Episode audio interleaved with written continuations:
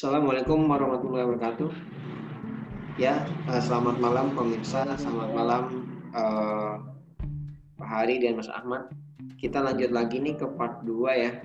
Uh, untuk masih topik yang sama yaitu generasi X versus generasi milenial. Oke. Okay. Oke, tadi kita sudah sebelumnya kita sudah mendengar dari Pak Hari selaku generasi X tentang uh, demo Omnibus Law. Mungkin saatnya sekarang kita yang ditunggu-tunggu uh, dari Mas Ahmad nih selaku generasi milenial. Kepadanya silakan Mas Ahmad. Baik, terima kasih uh, ke Pak Ade, ke Pak Hari. Um, selamat malam buat semuanya. Nah, di sini untuk omnibus law yang lagi panas-panasnya saat ini memang luar biasa.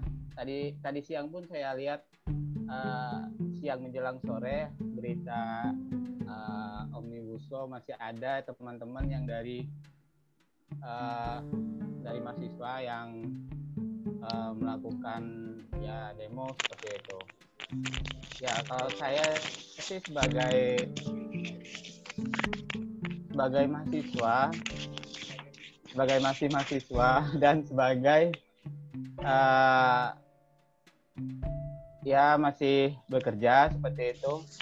Ya yang saya melihat dari uh, yang demo saat ini, ya saya juga belum melihat yang undang-undang aslinya, tetapi kalau memang uh, benar mungkin ya saya sih nggak pernah melarang. Yang penting uh, teman-teman ya apa dalam me, apa mengajukan pendapatnya ya secara baik-baik aja seperti itu.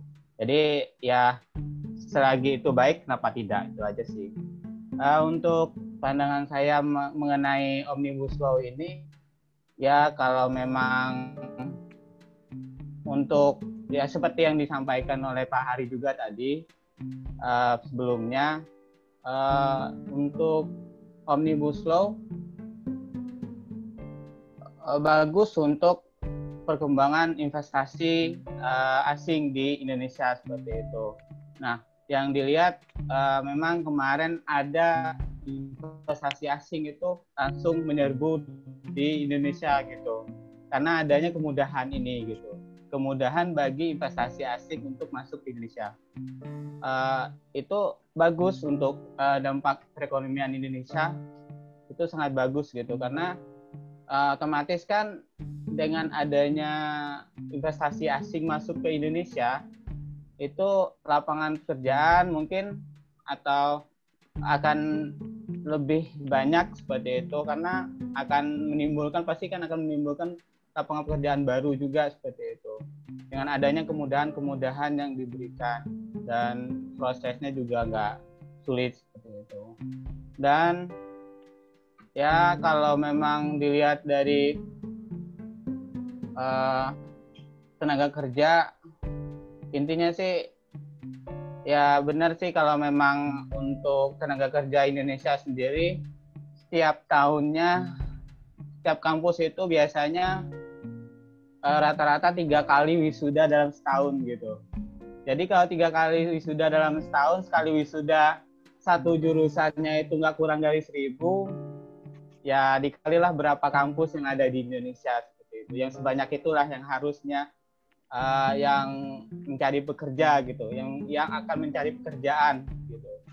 Jadi otomatis ya harapannya untuk ke depannya dengan adanya omnibus law ini lapangan pekerjaan lebih banyak lagi lebih dimudahkan untuk teman-teman yang uh, baru lulus gitu diberikan kesempatan untuk bekerja dan mengembangkan karirnya sebaik-baik mungkin. Itu sih pandangan saya mudah-mudahan untuk ke depannya uh, ada uh, niat baiknya gitu. Maksudnya ada solusi terbaik lah untuk negeri ini gitu dalam hal uh, untuk entah itu dalam hal perekonomian, entah itu dalam memajukan anak bangsa ini dalam uh, dalam bagiannya masing-masing itu sih.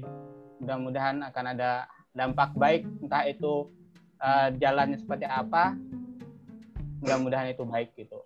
Mungkin oh. itu dari saya terima kasih. Oke terima kasih Mas Ahmad atas penjabaran dan uh, sudut pandangnya mengenai yang kemarin uh, undang-undang omnibus law yang memang lagi booming ya. Oke mungkin kita uh, next ke pertanyaan selanjutnya nih. Uh, ke Pak Hari dan Mas Ahmad nih ya. Bagaimana masing-masing perilaku generasi nih dalam menanggapi budaya sendiri maupun budaya asing. Oke, mungkin dari Pak Hari, gimana Pak? Iya, terima kasih Mas Adi. Uh, kalau menanggapi budaya sendiri dan budaya asing uh, itu, ya saya kira setiap generasi itu punya diri sendiri-sendiri ya, artinya punya pandangan yang dilatar belakangi dengan uh, pengalaman dia hidup atau mungkin tantangan dia hidup di tiap-tiap masing generasi gitu loh. Jadi kalau uh, saya uh, melihat bahwa selama uh, budaya yang ada itu adalah sesuatu yang baik di dalam pembentukan generasi ya kenapa tidak gitu loh.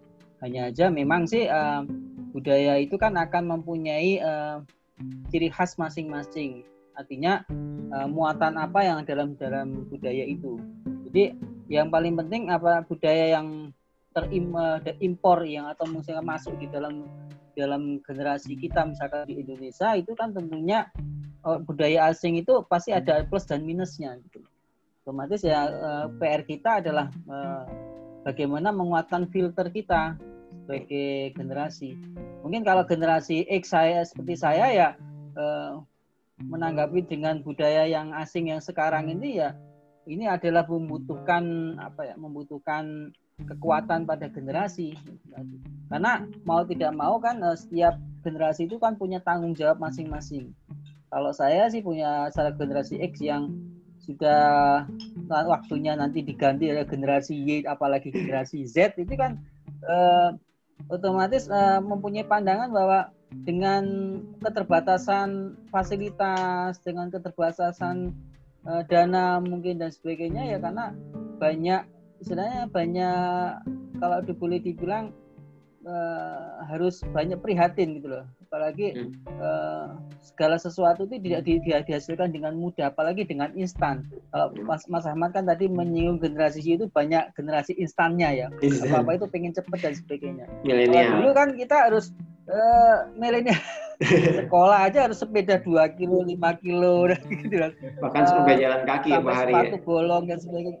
Iya sampai jalan kaki. Ya jadi uh, otomatis ya kita bisa merasakan. Tapi yang paling penting kalau menurut saya memang sih uh, kekuatan kita sebagai generasi untuk memfilter budaya asing apalagi budaya yang tidak baik bagi karakter uh, kita sebagai orang timur ya itu tentunya okay. harus di, di apa dibatasi gitu. Oke. Okay. Ya, itu okay, mungkin pada saya Mas. Ya. Oke, okay, saya tarik kesimpulan mungkin dari Pak hari ini kita tetap bisa melestarikan budaya kita, tapi kita juga harus memfilter budaya-budaya masuk gitu ya Pak Hari ya. Oke, baik ya, sekali. betul, betul. Oke, mungkin sekarang dari generasi milenial nih, uh, Mas Ahmad, bagaimana Mas Ahmad? Ya, kalau untuk generasi itu sendiri, itu menurut saya ya pasti penting sekali ya. Ini namanya uh, generasi itulah yang selanjutnya itulah yang akan melanjutkan estafet yang sebelumnya seperti itu uh, untuk yang lebih baik untuk uh, menjaga generasi itu supaya bisa lebih baik lagi tentunya caranya ya dibentuk dari uh, dari orangnya itu sendiri gitu dari anak bangsa itu sendiri gitu. Ya pasti besar juga peran pemerintahan di situ gitu. Karena uh, peran pemerintah di situ seperti ada misi ya misi dari presiden kita itu kan membentuk uh, membentuk anak bangsa dari kecil gitu. Dari bahkan dari kandungan gitu ya. Dari gizinya apa segala macam. Nah itu awal dari pembentukan. Uh, nanti ke depannya um, udah tahu tujuannya itu dari kecil itu dari kandungan saja udah diperhatiin gizinya dan uh, semuanya udah diperhatiin gitu. Nah, terus uh, setelah lahir nanti kan akan ada yang namanya uh, pembentukan karakter apa segala macam gitu. Nah, nanti setelah besar tentunya yang dididik yang telah dibentuk ini akan meneruskan uh, estafet dari yang sebelumnya gitu generasi-generasi sebelumnya dan itu juga akan uh, memperkuat uh, fondasinya dia juga gitu dari kecil sudah di, di uh, sudah diberi fondasi yang kuat otomatis kan kalau kakinya udah kuat nanti tinggal uh, ke depannya dia berkompetisi itu seperti apa. Nah dari situ uh, budaya yang masuk ke Indonesia otomatis kan uh, eh, SDM-nya kalau SDM-nya sudah kuat entah itu dari uh, dari poten, potensinya itu dalam bersaing itu sendiri entah itu dari uh, poten, selain pen, apa selain potensi yaitu uh, ada kemampuan gitu dalam uh, berdaya saing itu sendiri ya otomatis kan itu juga akan uh, memperkuat dari uh, negara kita gitu dalam hal uh, SDM yang unggul seperti itu. Nah dengan adanya SDM yang unggul siap bersaing yang namanya sebelumnya ada yang namanya MEA ya masyarakat ekonomi ASEAN gitu. Nah itu kan uh, masyarakat masyarakat yang ada di ASEAN kan otomatis akan ada okay. bebas gitu masuk ke luar ke luar negeri gitu. Oh oke okay, oke. Okay. Bisa bekerja di luar negeri tapi ya itulah uh, tentunya dengan adanya itu kita akan lebih baik lagi akan uh, okay, berjuang masalah. gitu. Okay. Mungkin itu dari saya. Oke, okay. berarti bisa saya simpulkan uh, harus ada pondasi yang kuat biar bisa juga sama seperti tiap hari ya ketika fondasinya kuat, SDM-nya kuat, yeah, bisa yeah. memfilter budaya-budaya yang masuk gitu ya. Oke, mungkin yeah. pertanyaan terakhir yeah, nih. Uh, pasti dong baik generasi X maupun generasi milenial nih pasti di masa muda kepingin uh, pendapatnya atau inspirasinya itu didengar gitu kan. Nah, ya, menurut yeah. Uh, Pak Hari maupun Mas Ahmad nih pertanyaan apa uh, untuk generasi muda saat ini gitu kan. Apa sih uh, alasan kenapa Indonesia butuh dengan anak muda gitu atau generasi muda gitu? Oke mungkin dari Pak Hari terlebih dahulu. Iya terima kasih Mas Ade. Uh, ya tentunya uh, kalau uh, suatu perubahan itu kan akan dilihat bagaimana generasi mudanya itu uh, menjadi pelopor atau penggerak. Jadi setiap eh, ya istilah kita juga berkaca kepada sejarah ya. Nah, pastinya perubahan itu akan dilakukan oleh eh, orang-orang yang tergolong dalam generasi muda atau pemudanya gitu. Uh, sehingga peran pemuda itu kan penting sekali. Setiap generasi, baik generasi X, generasi B, baby boom atau generasi Y dan generasi Z itu pasti nanti akan uh, uh, menjadi apa setiap generasi muda itu menjadi uh, toa, ujung tombak dalam perubahan. Kalau uh, apakah Indonesia butuh butuh anak muda yang nantinya menjadi berubah? Saya yakin ya masa depan masa depan uh, negeri ini kan tentunya ditentukan oleh generasi yang sekarang ini gitu loh bisa jadi uh, lima tahun ke depan atau 10 tahun depan kan kita nggak akan bisa melihat bagaimana uh, kondisi Indonesia yang ke depan gitu loh. Karena otomatis um, ya anak-anak kita mungkin atau kita sendiri juga um, bisa melihat bahwa perubahan itu pasti akan terjadi pasti akan berubah nah inilah nantinya uh, peran pemuda itu kan menjadi uh, tulang punggung uh, pergerakan uh, atau tulang punggung uh, perubahan yang ada gitu loh untuk untuk ke depannya Ya itu Mas uh, Mas sampaikan. Oke, kalau dari Mas Ahmad sendiri bagaimana nih Mas Ahmad? Ya, seperti apa alasan Indonesia butuh anak muda? Ya, alasan kenapa Indonesia itu sangat butuh yang namanya anak uh, pemuda atau anak muda seperti itu. seperti uh, presiden kita yang pertama, Senior Soekarno, uh, mereka uh, di itu dikatakan uh, beri aku 10 uh, 10 pemuda akan aku guncangkan dunia itu. Itu penting banget itu pesan itu gitu. Bahkan dengan 10 pemuda iya. saja yeah. dengan 10 pemuda saja dia bisa mengguncangkan dunia gitu. Oh, nah, itu biasa. sangat penting sekali. Luar biasa kan pesan itu gitu. Maka dari itu uh. saja kita bisa uh, pemuda itu sangat penting gitu sangat penting karena uh, untuk uh, dari pesan presiden kita yang pertama saja Insinyur Soekarno mengatakan seperti itu pemuda itu adalah pondasi uh, uh, atau SDM unggul yang akan uh, untuk selanjutnya negara ini gitu. Jadi generasi selanjutnya pasti akan ada yang anak muda anak muda yang baru gitu. Nah anak muda inilah yang harusnya uh, sebagai tonggak bagi negara kita untuk yang lebih baik gitu.